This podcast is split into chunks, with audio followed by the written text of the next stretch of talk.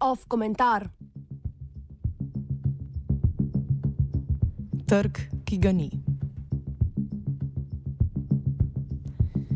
Konec tedna bo minilo devet let od bankrota ameriške investicijske banke Lehman Brothers, dogodka največkrat označenega za začetek gospodarske krize, v senci katere še vedno živimo.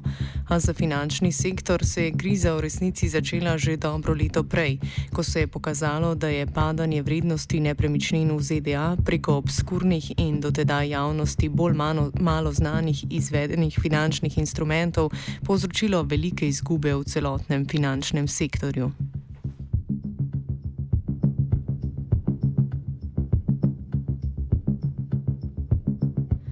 Nauk zgodbe za medije bi moral biti, da je pomembno spremljati finančne novice, če tudi se ne zdijo obetaven material za rejtinge, klike in tvite. Žal je bila verjetnost, da ste se v zadnjih tednih med naslovnicami o Trumpu, orkanih, Severni Koreji in piranskih ribičih ujeli novico, da se bo ukinil Libor, obrestna mera, ki podpira velik del svetovnih kreditov in na kreditih temelječe vrednostne papirje, od kreditnih kartic do opcijskih pogodb približno takšna, kot če bi na kanalu Discovery med Shark Weekom našli poučen dokumentarec o morskem ekosistemu.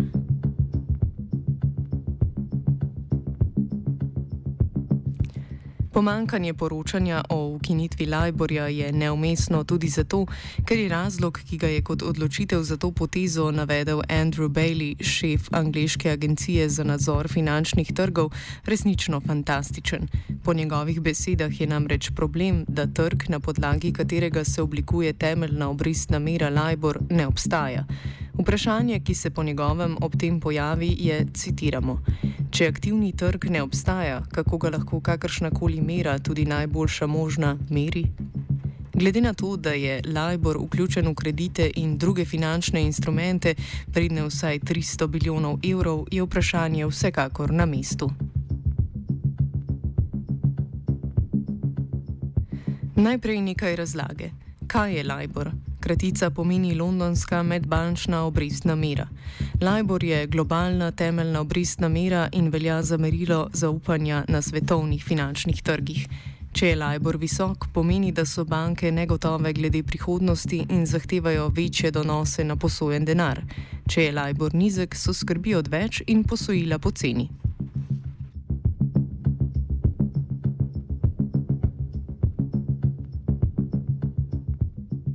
V praksi sistem deluje smešno enostavno.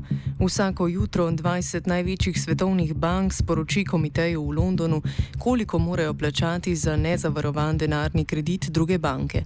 Komitej na to izloči štiri najvišje in štiri najnižje predložene številke ter izračuna povprečje preostalih 12.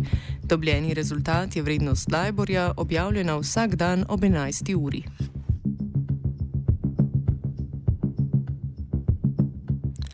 Libor se na to uporabi za določanje zahtevane obrestne mere vseh mogočih posojil in vrednostnih papirjev. V Sloveniji je precej bolj znan Liborjev manjši sorodnik Euribor, a princip je enak. Vrednost zahtevane obrestne mere kredita se izračuna kot vrednost Liborja, ki je fleksibilna, plus fiksni dodatek. Libor naj bi predstavljal ceno denarja, ki ga morajo plačevati banke za lastna sredstva. Fiksni dodatek pa je del, s katerim naredijo profit in tekmujejo za komitente.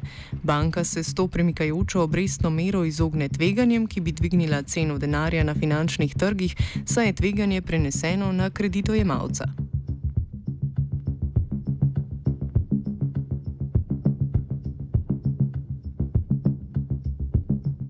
Libor je postal slaven po letu 2009, ko se je izkazalo, da so banke lagale o tem, po kolikšni meri si posojajo denar. Lagale so na dva načina. Najprej s prigovarjanjem trgovcev v oddelkih za finančno trgovanje. Za te goljufije so svetovne banke plačale skupno 8 milijard evrov kazni.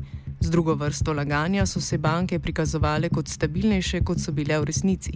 To vrstna manipulacija se je kaznovala precej manj entuzijastično, tudi zato, ker obstaja precej dokazov, da so se zasebne banke o tem dogovarjale s centralnimi.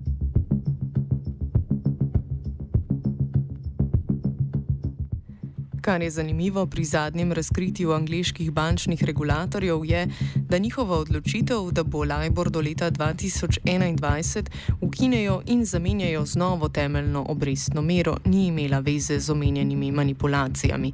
Problem namreč ni v tem, da bi banke še vedno lagale, po kakšni meri si izposojajo denar med seboj, ampak da si denarja na tak način sploh ne izposojajo.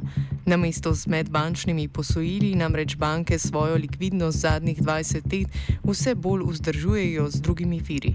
Trg medbančnih posojil, ki naj bi s svojimi obrestnimi merami določal vse mogočni Libor, ne obstaja.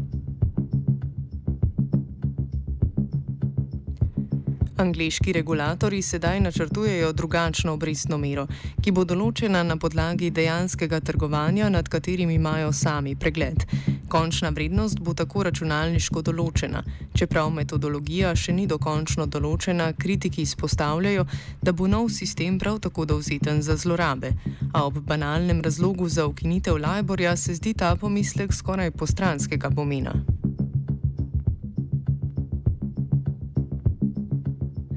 Ironično je, da je zgodba o nastanku Lajborja skoraj tako absurdna, kot je zgodba o njegovem koncu.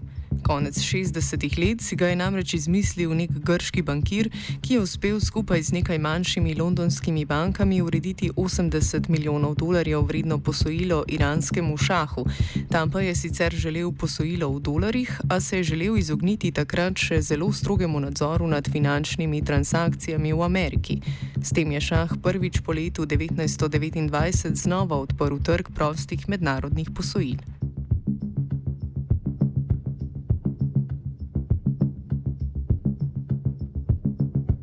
Za zadnji zasuk Monty Pythonovske zgodbe o svetovnih temeljnih obrestnih merah je poskrbela Evropska bančna federacija, ki upravlja z Lajborjevim evropskim dvojčkom Euriborom, pri nas vključenim v skoraj vse bančne kredite.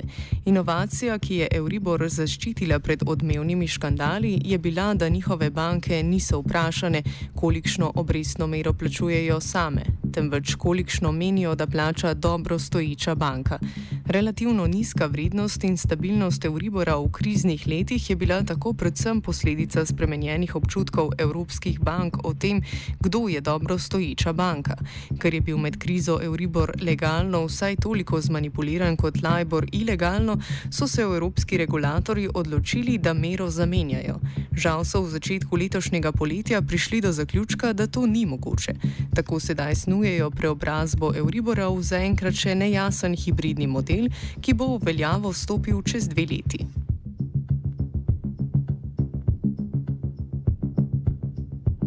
Komentiral je Gal.